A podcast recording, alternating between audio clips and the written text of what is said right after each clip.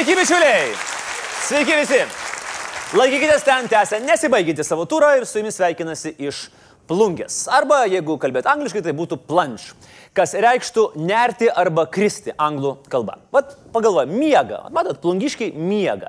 Iš karto reiktų patentuoti miesto pavadinimą ir imti pinigus kiekvieną kartą, kai Bloombergas arba CNN'as, pavyzdžiui, per savo žinias sakytų, we are expecting a plunge in profits this year. Ir iš karto ateina pinigai į plungę. Yra dar įdomesnių variantų. Kalbėdami apie besiraušiančius tuoktis, amerikiečiai sako, we are ready to plunge. Arba they are ready to plungę. Kiek potencialo, vat kiek potencialo tapti pasaulinė greitų santokų sostinė ir miega plungė. Bet ne jūs vieni. Kaunas neišnaudoja potencialo tapti pasaulinę karvių sostinę, o Marijampolė praleido progą tapti lengvųjų narkotikų sostinę pagal Mariją Marihuanpolę. Bet vis dėlto ne visi miega. Kai kurie pabunda, prisikelia, užsideda per mažą, bet vyriškumą labai pabrėžiantį kostiumą. Šioje vietoje jo kelius apie agurkus ir dešras galite susigalvoti patys. Ir ateina mūsų išganyti. Viktoras is back. Ir spalva kostiumo kokia, kaip MacBook'o. Full metal jacket. Darbo partijos pirmininko rinkimuose įveikęs nei vieno konkurento, Viktoras surinko 99,2 procento delegatų balsų ir iš karto į Lietuvą pažadėjo atvežti taiką ir Vladimirą Putiną. Dėryboms, ten kažką kažką. Nu, gera pradžia. Partiečiai, pasiploninę liežuvius, varvino medų naujajam pirmininkui į ausį. Buvęs kultūros ministras Šarūnas Birutis džiaugiasi, kad partija išliko sustabdžiusi neigiamos informacijos apie save plitimą. Kaip jie padarė tai? Tiesiog jie nepateko į Seimą. Ir kritikos automatiškai sumažėjo. O pavyzdžiui, jeigu dar išsiskirstytų iš viso, tai ir kritikos neliktų. At ir prašau jums idėją lietų. Seimo narys Valentinas Bukauskas pasakojo, kad būdamas darbo partijoje per 14 metų suvalgė ne vieną pūdą druskos. Nu dabar stop, panalizuokime. Ne vieną pūdą. Nu tai kiek druskos suvalgė Bukauskas? Nu, tarkim, 10 pūdų. Tai čia bus 160 kg. Arba 11,5 kg per metus. Arba po 31 gramą druskos per dieną. Kai gydytojai rekomenduoja nedaugiau kaip 6 gramus, nes kitaip didėja vėžio tikimybė. Vadinasi, Bukauskas žmogus realiai šaukėsi pagalbos. Padėkit. Buvimas darbo partijoje penkis kartus padidina riziką susirgti vėžių. O mes vad nesuprantam ir neužjaučiam. Dar geriau pavarė Naglis prezidentinis kreditas Puteikis. Iš tribūnos palyginęs Uspaskichą su Terminatoriumi ir tuo sukeldamas ovacijas auditorijoje. Nu, yra tiesos. Su ryškiu akcentu kalbantis robotas blogėtis, kurio tikslas sunaikinti žmonijos pasipriešinimą. Taip, Nagli, tu kaip visada teisus. Kitos naujienos. Lietuva daugiau nei pusantro mėnesio gyveno be teisingumo ministro ir nenumirėm. E, premjeras aiškino, kad mažai kas nori eiti į ministrus, nes atlyginimas mažas ir šiaip sėkmingi žmonės į politiką nenori. Na nu, tai pagaliau džiugi žinia. Pagaliau turim kandidatą. Pagaliau skvernelis rado neįtin sėkmingą žmogų. Į teisingumo ministrus siūlomas ponas Danielius. Iš pradžių postą siūlė Lemonui, po to vėl Lemonui, po to Danieliui, po to Lemonui, po to vėl Danieliui, po to vėl Danieliui. Taip, ir galų gale atiteko Raimondo Kurlenskio advokatui Gedriui Danieliui. Lietuva, jeigu aš sapnuoju, tai šitas sapnas yra absoliučiai wow ir aš nenoriu pabūsti, gražinkit man antklodę. Saulis ir Ramūnas Lietuvos teisingumui vadovauti stato bičią, kuris yra kaltinamojo asmens gynėjas didžiausioje politinės korupcijos byloje. Bičia, kuris prieš pusantrų metų atsisakė karjeros prokuratūroje, motivuodamas tuo, kad buvę jo įsipareigojimai klientam gali sudaryti interesų konflikto regimybę. Nes dabar tai jau nebus interesų konflikto regimybės. Žodžiu, praėjo pusantrų metų ir dabar jau konflikto nėra. Jis gali vadovauti visai Lietuvos teisingumo sistemai. Nu, čia yra tas pats, kaip kokį nors, nežinau, žemgrobį paskirti žemės ūkio ministru. Ne, čia netinkamas pavyzdys. Netinkamas, ne, ne, ne. Ištrinsim šitą. Čia duosiu kitą, geresnį.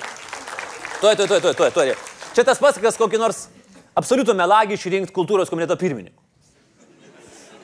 Vėl neina su pavyzdžiais. Nu, nesvarbu, nu, žodžiu, aišku, kad tokiam kontekste gal ir logiška buvo pasirinkti Danielių į teisingumo ministrus.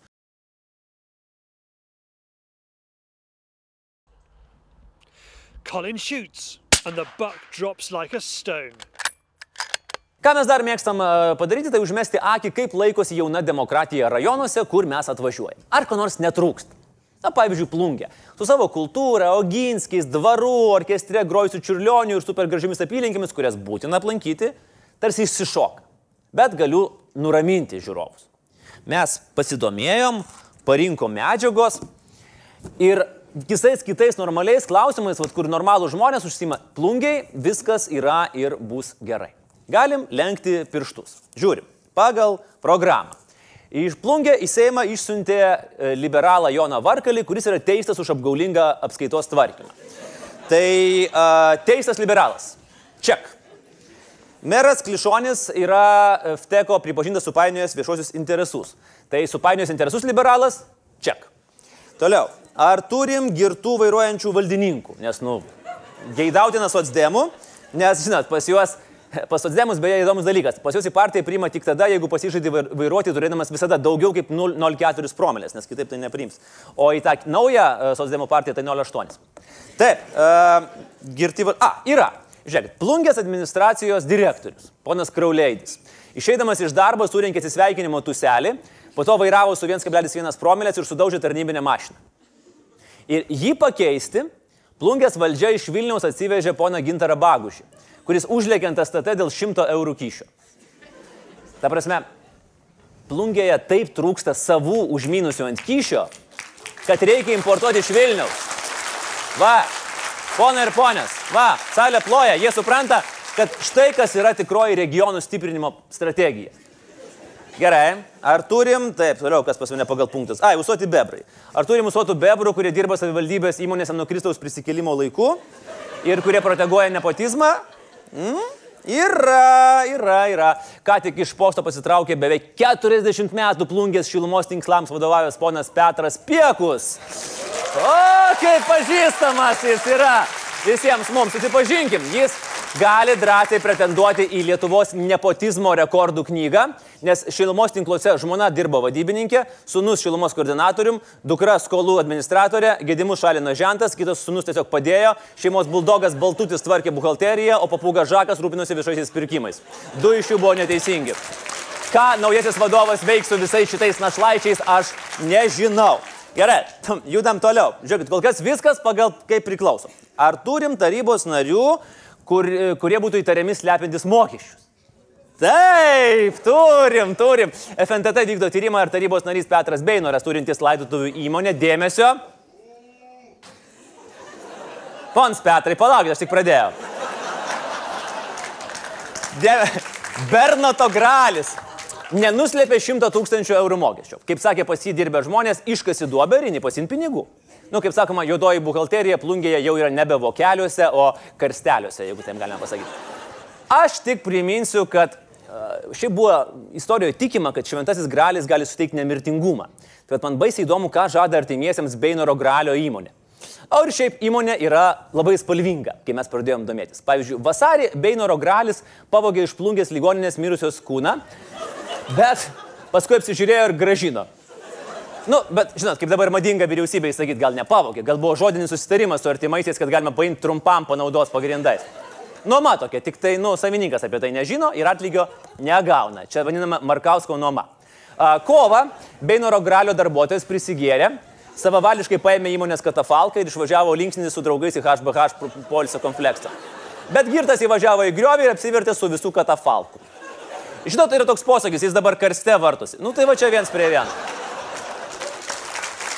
Um, Jis buvo atleistas iš darbo, aišku, bet, bet jis negražino pažymėjimo ir įmonės vardu išsinomojo elektrinę drėlę, tada nunešė ją į plungės lombardą, užstatė, o pinigus pragerė. Žodžiu, pagal visą dalyką žiūrim, vairavo girtas, pavogė mašiną, bus teisiamas, nu panašu, kad plungė gali turėti naują administracijos direktorių. O mūsų žvilgsnį į plungę baigia mūsų laidos konkursas Geriausias Lietuvos šimtmečio Facebook'o puslapis, kurį pradeda ir turbūt iš karto laimė, nu, sorry, bet įmonė Beinoro Gralis ir jos Facebook'o puslapis. Pažiūrėkime, draugė, kaip su metais vystėsi tarybos nario laidojimo verslas Facebook'e. 2012 metais Beinoro Gralis darbo vietoje švenčia okupacinės armijos dieną. Dien zašytnika atiečistva. Ir dalyjasi įspūdžiais, kaip kulka jam randa užpakalyje paliko.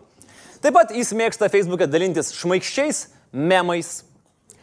Pateikia staigmenas, kad kai kurios kūno dalys išlieka gyvos po mirties. Labai svarbus dalykas sužinot laidotuvių e, įmonės klientams. Valgo šventinį gedulo tortą. Atspindi socialinius skaudulius, kad už pensiją lietuvis net negali susideginti, o Lenkas tai daro tris kartus. Atsipalaiduoja su visiškai neseksistiniais pokštais ir kreta iš juoko savo profilyje pasakodamas anegdotus apie mirusius narkomanus. Štai pavyzdžiui, mirė narkomanas, neša karstą, lydė draugai ir vieni kalbasi su mirusiu. Ble, brolau, tu net neįsivaizduoji, kur tave neša, ten šalta, nėra TV, nėra sofos, ten tamsu, drėgna. Ir tada balsas iš minios galo. E, tai jūs pas mane namo nešat. O tokiais anegdotais dalinasi laidotuvių įmonė. Na, o skaldas, toks pokštų skaldimas turbūt yra panašus, tarsi kepyklos, kuri savo Facebook puslapį juokautų apie paleistus vidurius. Žodžiu, plungė, tu tikrai mūsų nenuvyliai, hashtag only in plungė. Bet, žiūrėk, Žiūrėk, na nu, gerai. Bala nematė tų seksistinių anegdotų, okupacinės armijos dienos šventimo ir to šimto tūkstančių. Svarbu, kad žmogus būtų geras, kad nuoširdus. O tarybos narys Petras Beinoras atsakau, va toks ir yra, kai visus sveikina visomis progomis. Jeigu dar turėtų sveikinimų ne tą vieną vienintelę proginę nuotrauką, būtų iš viso super.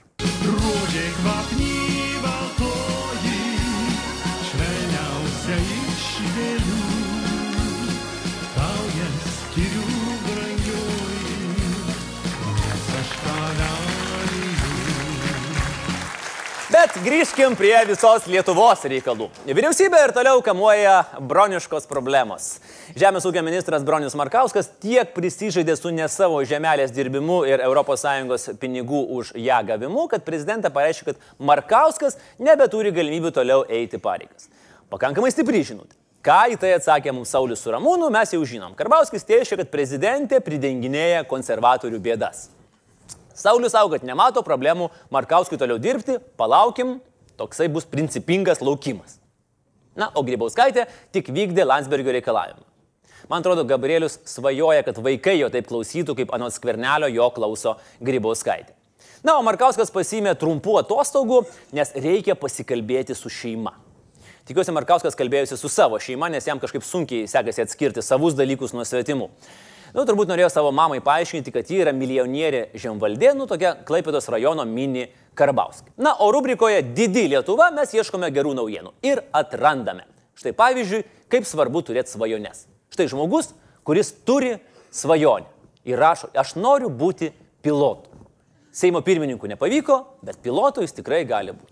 Bet labiau džiaugiamės ir didžiuojamės dvyliktokę Neringą Levinskaitę, kuri Europos merginų matematikos olimpiadoje įveikė daugiau kaip 190 varžovių ir iškovojo aukso medalį. Sveikinimai mūsų jaunai matematikai ir panašu, kad šitos valstybės ateitis ir protai tikrai yra šviesus. O dabar mūsų išrinktųjų kasdienio gyvenimo kronikos populiarioje pirmą kartą pristatomoje rubrikoje Same as Always. Praėjusią savaitę vyko konkursas į žuvininkystės tarnybos direktoriaus postą. Nepaprastai svarbi naujiena, bet kol kas vis dar parlamentinės tvarkos ir teisingumo partijos šauklys Remigijus Žemaitaitis piktinosi laimėtojų kandidatūrą ir kaip esminį trūkumą nurodė, kad jis yra metalo grupės pergalė narys. Žemaitaitis citavo grupės repertuarą ir piktinosi žodžiais, o mylimoji aš tave subadysiu. Ar tai toks bus žuvininkystės vadovas Lietuvoje? Ar tai nesiaubas? Ir kaip tai vertinti? Piktinosi parlamentaras. Nu, Remigijau, šiaip tai būtent tokio treš metalo, kokį varot jūsų tvarka ir teisingumu, tai dar geram Rusija reikia paieškoti. O žuvims, nu, man atrodo, turbūt vienodai, kas joms groja. Aišku, Žemaitėtis turi pagrindo būti piktas ant viso pasaulio. Prokurorai išaldė partijos 233 tūkstančius eurų, kadangi iki šiol tęsiasi STT tyrimas. Būtiškai tariant, prokurorai tvarkiečiams tokia davė rimtą žuvį mafijos terminais. Žuvis nelaimės neša ir kitiems. Praėjusią savaitę FNTT krėtė Lietuvos medžiotojų ir žvėjų draugiją, tyriant sukčiavimą ir dokumentų klastojimą. Čia yra draugijos pirmininkas, ilgametis Seimo narys Bronius Bradauskas, o čia yra jo pavaduotojas. Nu, ką medžiosi, su tuo ir sutapsi. Džiaugitės plungiškai, kad per jūsų miestą teka babrungas, o ne bebrungas. Nes kitaip neatsigintumėt invazinių ponų rūšių. Ir jeigu jau kalbėjome apie gamtą, o geografija kaip nekaip irgi gamtos mokslas, džiugi žinia kauniečiams. Nuo šiol jūsų miestas oficialiai yra Šiaurės Lietuvoje. Už šį geografinį atradimą turite dėkoti Seimo nariui valstiečiui Tumėnui. Taip tam pačiam, kuris siūlė lygiuotis į Šiaurės Koreją. Kaune įteikinėjant kultūros ir meno premijas, mūsų dienų Kolumbas kreipėsi į susirinkusius mėly šiauliečiai, o po to dar ilgai samprotavo apie Šiaurės Lietuvą. Politikui šnekėti ir nesuprasti, ką šneki, yra įprasta. Šnekėti ir nesuprasti, kam šneki, yra suprantama. Bet šnekėti ir nesuvokti, kur šneki, čia jau naujas lyg buvo. Bet aišku, kai žiūri į Lietuvą iš kosmoso, tas skirtumas tarp Kauno ir Šiaulių atrodo, va, toks visiškai nereikšmingas. Ir čia laikas keliauti į reklaminę pauzę. Tačiau neskubėkite perjungti kanalo, nes reklamą kūrė ne bet kas, o Timūras Augusevičius. Kasdien pietauji vienas, bukai skrolini Facebooką ir svajoji apie aštrius gyvenimo pojūčius? Norėtum būti blogas berniukas? Pristatome naujausią terapiją tau - pietus su Kulenskiu. Oh, yeah. Leisk Kulenskiui įsiskverbti į tavo gyvenimą. Mm. Maloniai leisdamas laiką su Kulenskiu patirsi tokius dalykus, apie kokius dar nesvajojai. Nesvajojai. Išskirtinis dėmesys tau, geriausiai tavęs klausantis pašnekovas ir gyvenimus keičiantis pasiūlymai tik mūsų siūlomoje terapijoje. Išbandyk. Patirk Kulenskio prisilietimą. Bet palaukite, dabar siūlome paslaugos planą Elit. Elit. Planas Elit. Taip, planas Elit. Plano Elit vartotojams siūlome pietus su Kulenskiu tamsoje. Tamsoje. O kas nutinka tamsoje? Lieka tamsoje. Terapija pietus su Kulenskiu. Užkurk savo gyvenimo laužą. Dėl šalutinio poveikio būtina pasitarti su savo advokatu. Neatsakingas produkto vartojimas gali sukelti nemalonius pojūčius STT srityje ir rytinį pykinimą. Daugiau informacijos ieškokit mūsų Patreon puslapyje. Dar taip pat primenu, iki gegužės galite skirti 2 procentus GPM, Laisvės televizijai ir prisidėti, kad ir prie tokių vaizdo klipų ar visiškai nejokingų pokštų kūrybų. O dabar dar viena mūsų laidos rubrika - prezidentinės lenktynės 2019. Sostų karai, dvi tvirtovės, bulvarinis skaitalas, avinėlių tylėjimas, negarbingi šunsnukiai, greitį ir įsiutę 19. Jis skirta artimiau susipažinti su kandidatais, užimti svarbiausią šalies politinį postą ir penkerius metus būti Lietuvos užsienio politikos veidu. Iš kovos jos dar net nepradėjęs pasitraukė pramonininkų konfederacijos prezidentas Robertas Dargis, nusprendęs, kad vienas procentas palaikymo neįkvepia ir geriau likti pramonininkų prezidentų negu jokių prezidentų iš visų. Gaila, o žmogus netgi Facebooką specialiai tam buvo susikūręs. Į aikštelę išbėgo jau tikrai oficialiai ir pati garsiausia prezidentinių lenktynių kandidatė. Jūs kandidatuosite prezidento rinkimuose? Aš kokius dešimt kartų jau sakiau, taip, aš iš tikrųjų kandidatuosiu. Mhm.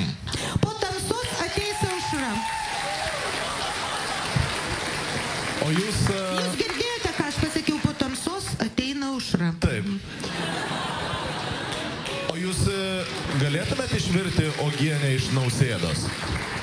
Ne, manau, kad žmogus per prieskas ogieniai. kas, kas jūs, jūs manote, kas yra pagrindinis kandidatas prezidento rinkimuose? Aš manau, kad aš. Taip, mūsų kandidatai greitai mokosi iš Junktinių Amerikos valstijų. Atrodo, kad turėsime savo Trumpą ir savo Hillary Clinton viename asmenyje. Be aviečių ogienės. O va kiti eina porom. Turim hot hot diplomatų porelę žvygį, tai yra žygis ir vygis. O dabar yra nemažiau karšti europarlamentarai Mazuronis ir Auštrevičius, liaudėje dar žinomi kaip Mauštrevičius, o trumpiau Muštrevičius, nes abu gyvenimas mušė. Petras, šviežiausias kandidatas, kurį išrinko liberalai. Kandidato kelias į Daukanto aikštę nebus vien kurlenskiais klotas. Reikės daug pastangų, energijos, reikės pavalgyti, nes primenu, kad Auštrevičius mėgsta renkti vienos dienos bado streikus. 15 metais jis vieną dieną badavo už Nadiją Savčenko, kuri dabar Ukrainoje kaltinama norėjusi susprogdinti parlamentą, o visus kitus pribaigti automatais. Tai labai vertinga buvo bado akcija. Auštrevičius nurungė diplomatą Arūną Gelūną, tad užuojauto Arūnui, kuriam nepavyko tapti pirmuoju Lietuvos istorijoje kandidatu, kurio vardas rimuojasi su pavardė. Jų kandidatas matosi, kad nepaprastai rūpėjo ir patiems liberalams. Auštrevičius laimėjo gavęs mažiau kaip 500 partiečių balsų, kai partijoje yra 8000 narių. O balsuojama buvo elektroniniu būdu per atstumą, kad galėtų savo valią išreikšti ir tie, kurie turi susitikimus su STT, arba tie, kurie šiaip sėdi namų arešte. Nesvarbu, Petras jau pasakė, eisiu iki galo. iki galo. Aš ne, neskaičiuoju jokiais limitais, ar tai pirmas, ar tai antras, ar e, kilintas tenai ratas. Tiesą sakant, žmonės naktiniuose klubuose irgi neskaičiuoja, kiek jie ratų gali išlaikyti. Antroji Mauštrevičiaus pusė - Valentinas Mazuronis. Dar žinomas kaip dėdė, dėl kurio postų Facebook'e jums yra nuolat gėda. Jis pristatė štai šį absoliučiai fantastišką reklaminį klipą.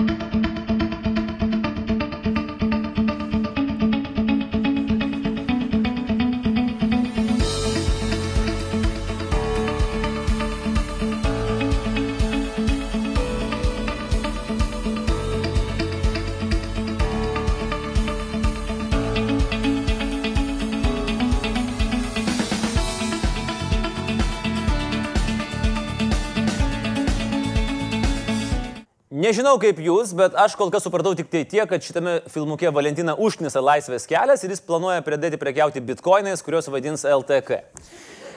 Gerai, žiūrim toliau. Galbūt Valentinas pats paaiškins, kas gyva gyva taip užknisa.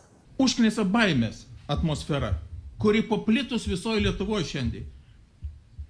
Neadekvatus draudimai, galų gale reguliuojama teisėsauga, žurnalų plėšimas, abortų draudimai, valdžiai ir pinigams neatspari valdžia. Aš jau girdėjau, kad ir sekso prekes, prekes pardavinės, nežinau kur, kaip ir kodėl. Na dabar viskas aišku. Kodėl Valentinas eina į prezidentus? Nes jis nežino, kur, kaip ir kodėl bus pardavinėjamos sekso prekes, nu, o žinai, negali atsispirti tokiems dalykams. Kuo Petras ir Valentinas yra panašus? Abu priklauso tai pačiai liberalų ir demokratų alijanso už Europą frakcijai Europos parlamente. Abu buvo Seimo nariai. Abu jau mėgino laimę prezidento rinkimuose ir abu liko trečioje vietoje. Avo čia panašumai ir baigėsi. Eikim prie skirtumų. Mazuronio pliusai. Pažadėjo Laisvės televizijai skirti 100 dolerių. Nu, čia gerai. Buvo išrinktas geriausių europarlamentarų kebabų politikoje.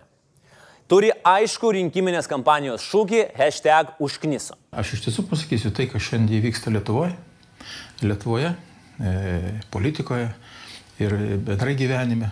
Aš manau, kad 80 procentų, jeigu nedaugiau žmonių, kitaip ir negali to įvertinti. Užkniso. Todėl, kad e, užkniso viskas. A, silpnybės. Viskas Valentina užkniso, bet idėjų, kaip spręsti, neturi. Paklaustas apie tai, ką keis, kažką burba apie grobiamus vaikus Norvegijoje ir klestinčią tautinę valstybę. Plus, visiškas populistas, pabėgėlių stabdytojas, neturi nei stuburo, nei principo ir dolerio gailikas. Jo supergale - Photoshopas. Tik prasidėjus sostų karams Valentiną galima iš karto skelbti šių rinkimų Facebook'o ir GIFų čempionų. Vien ko vertas šis Valentino dienos pasveikinimas. Arba sveikinimas premjerui, arba sveikinimas skardžiui.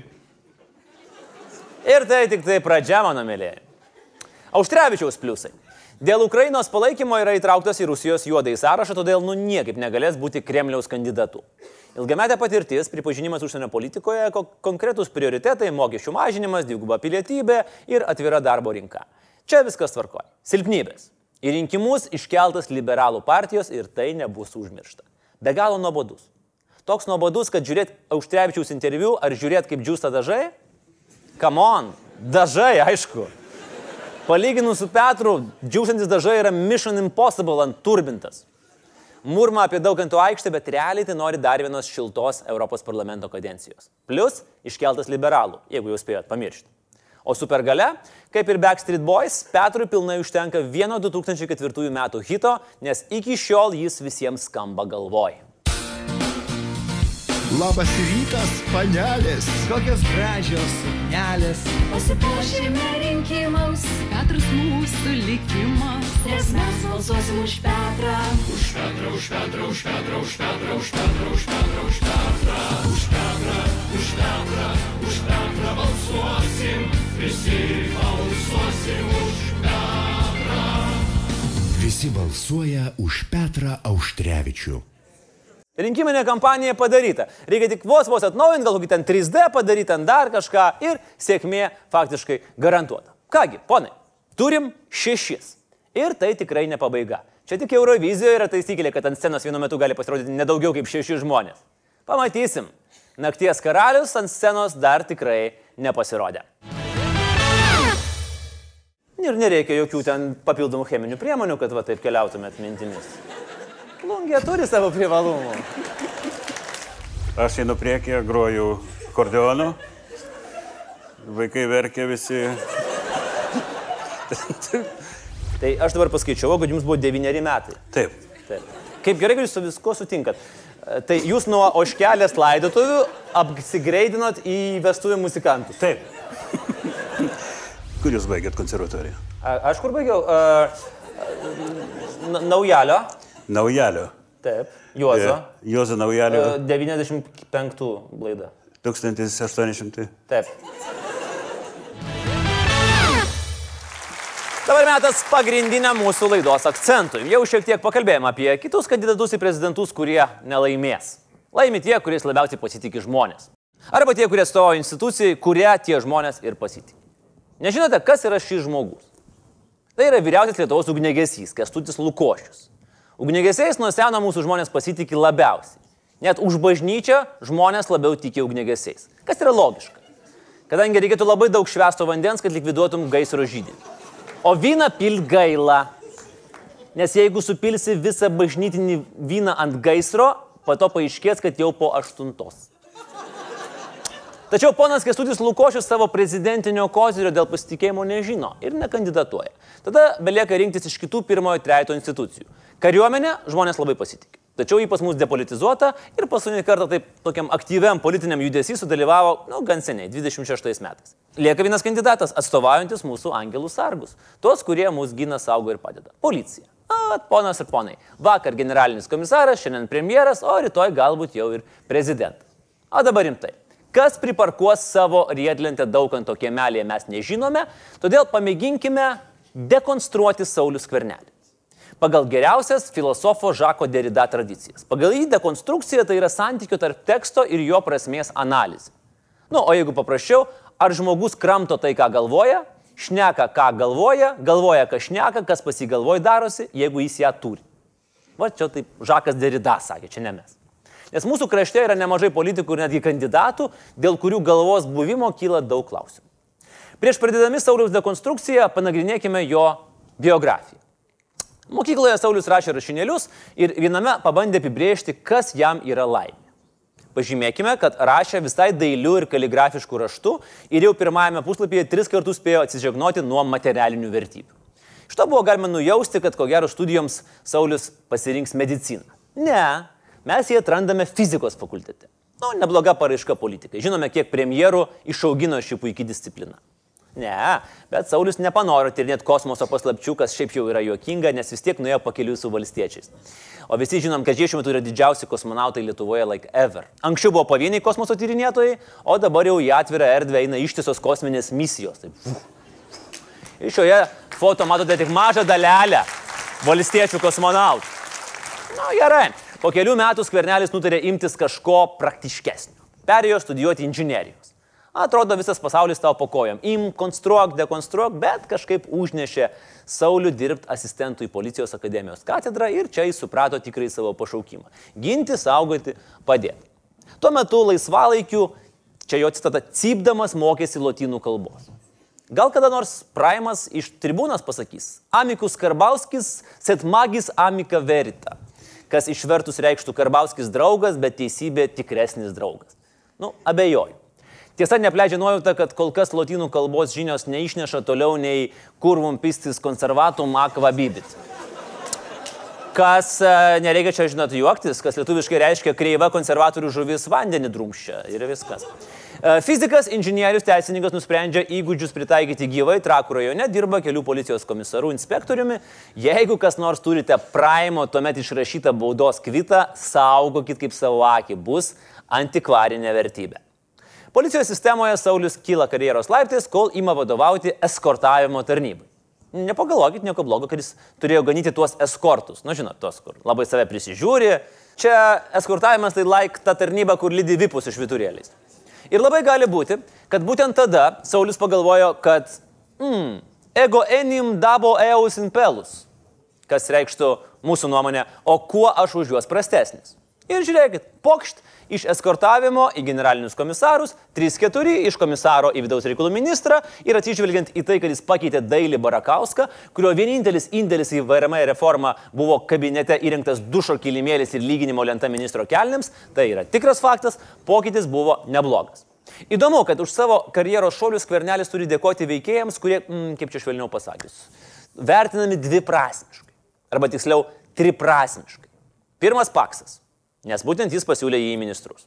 Toliau Graužinienė, kuri net per kasdienybės masteliais ekstremalią situaciją durnus klausimus uždavinėja. Arba dar kitaip tariant, elgesi įprastai. Ir Igoris Molotkovas. Pamenat bičią, kuris pabėgo nuo policijos ir pavogė Kalašnikovą. Tai vad, iš esmės šių trijų žmonių dėka skvernelis yra ministras pirmininkas. Taip pat noriu atkreipti dėmesį, kad iš viso šito skvernelį endorsinusio naktinio trijo padoriausiai atrodo narkomanas, kuris pavogė ir automatą ir važiavo troleibusų per visą miestą, kad nusimaudytų dušę. Nes, nu, come on, Paksas ir Graužinienė. Šitame etape Saulis atrado flirto meną ir džiaugsmą. Užsidėjo paradinę uniformą ir pradėjo eiti į darbo pokalbį su partijomis. Ir pasiūlymai jam buvo labai paprasti. Sotsdemai pasiūlė būti šeštų sąraše, Ramūnas pasiūlė štuką 700 eurų per mėnesį. Vertybės nugalėjo. Ir čia pabandykim susiprasti, tai kokios yra Sauliaus pažiūros ir vertybės. Kokį mes prezidentą rinksim. Prieš rinkimus Kvernelis sakė, cituoju, jeigu nebus pokyčių mūsų politikoje, jeigu nebus atsinaujinimo, atgimimo, jeigu tęsis vegetavimas, jeigu savo likimą jūs patikėsite nesažiningiems, neskaidriems, neatsakingiems politikams, turėsime niūrę ateitį. Nu, vat kaip į vandenį žiūrėjo. Toliau jis tęsė. Nėra nepaprastų ir paprastų žmonių, jūs esate visi unikalūs, jūs esate visi kūrybingi ir nepakartojami žmonės. Mes norime, kad jūs turėtumėt patys galę dėrėtis dėl savo atlyginimo ir nelauktumėt kaip išmaldos iš darbdavio ar valstybės. O dabar turim vaką.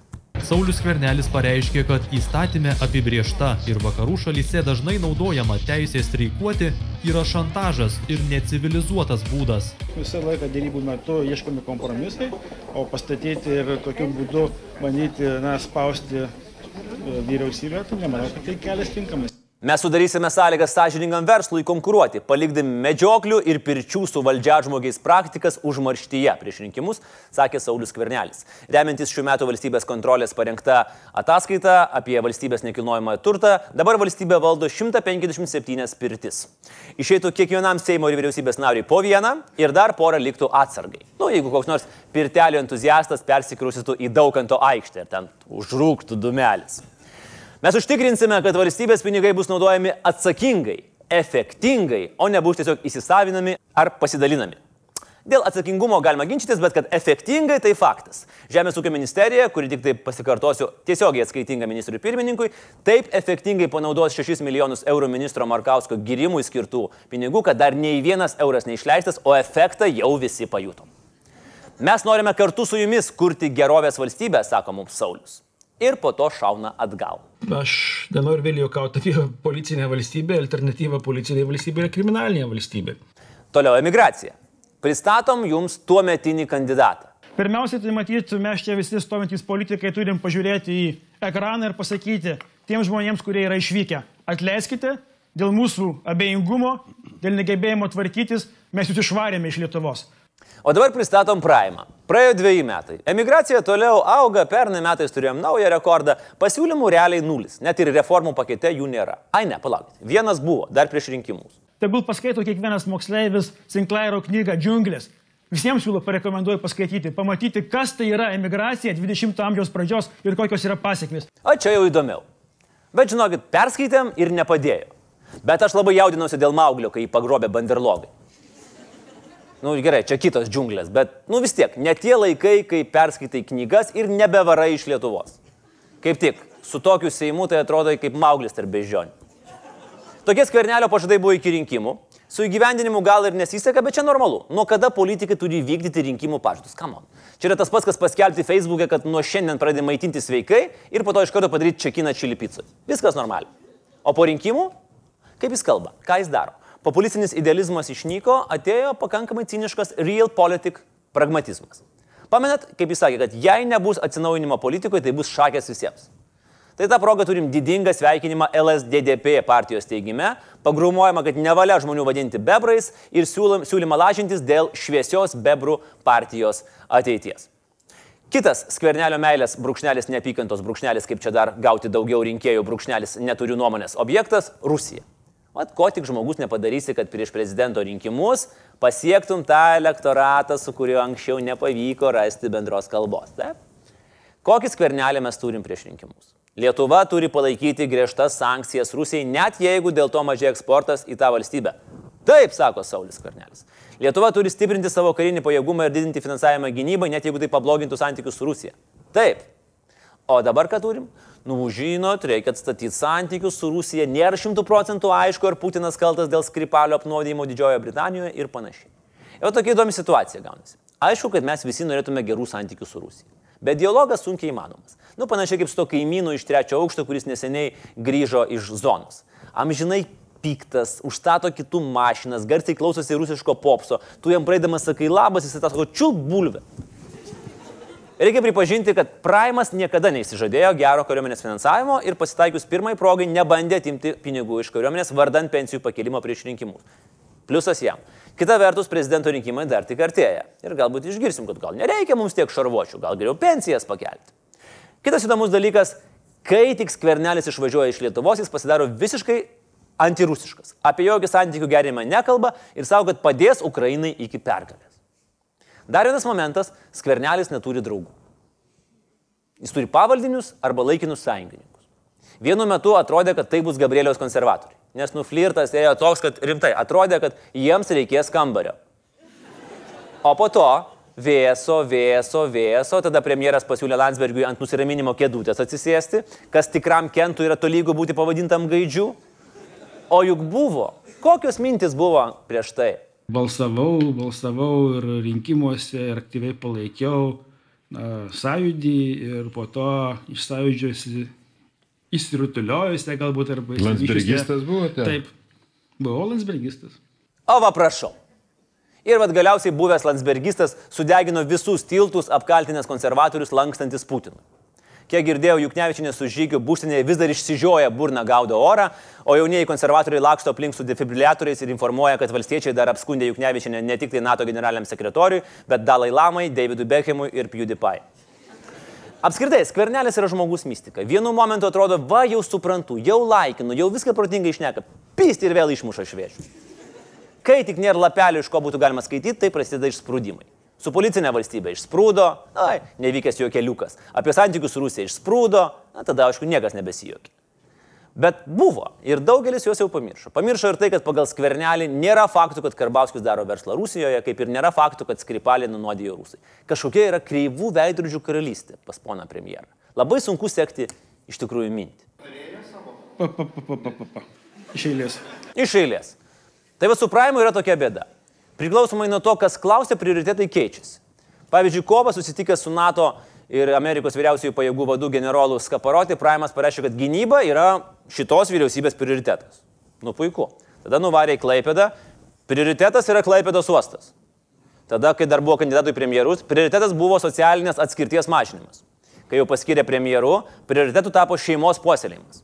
Tada dar buvo prioritetai išorės sienų saugojimas, darbo jėgos apmokestinimas ir santykių su Lenkija gerinimas. Nu toks, žinot, Gavrila buvo su daug prioritetų. Ir truputį darosi baisoka, ne? Kokią įtaką premjerui daro aplinka. Dabar įsivaizduojam, jis važiuoja, jam nuleidžia padangą ir iš karto prioritetu tampa saugus keliai. Užsuka į barą, kitą dieną jau prioritetas saikingo alkoholio vartojimo kultūra.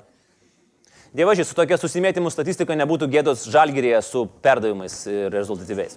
Aišku, mes čia juokais.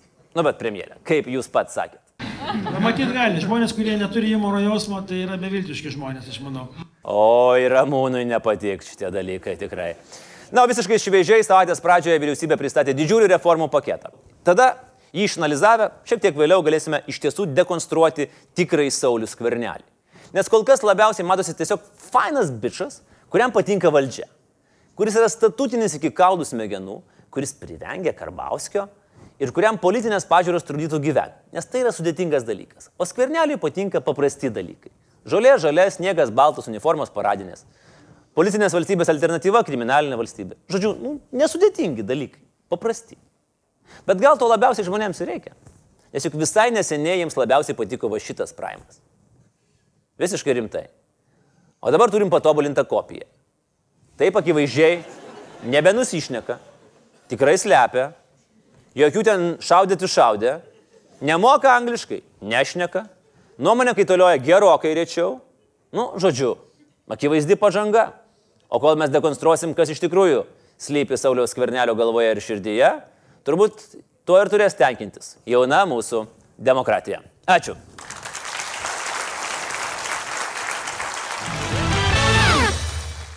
Kai rašo protokolą ir klausia, ar gailitės. Ne, ir aš žinau, kad jeigu aš gailėsiuosi, aš gausiu minimalią baudą, bet aš šiaip nesigailiu širdyje. Nes tu ten būna koks nors, nu, nežymus, nu, ten, sakykime, gerai. Nu, nu, nelabai gal gerai, bet nelabai gailiuosi. Bet aš rašau, kad gailiuosi. Mes tada pažiūrim, kilintą kartą jūs gailitės. Um, Linai, bet vis tiek aš turiu užduoti klausimą, mes esame beveik bendramžiai ir šitas klausimas visuomet buvo labai svarbus, nu, faktiškai, faktiškai turbūt esminis, Nu, nuo jo priklausydavo tolesni santykiai su žmonėm. Tai Švarcas ar Stalonė?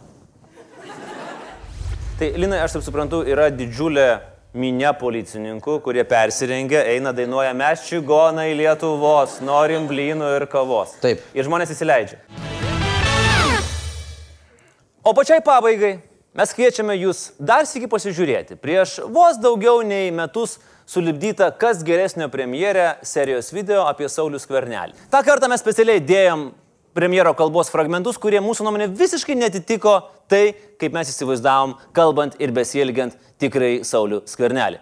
Metai praėjo, pasižiūrėkime dar kartą. Dabar aš esu ministras pirmininkas ir iš karto galiu nuvilti tuos, kurie tikisi, kad aš darysiu daug ryštingų sprendimų.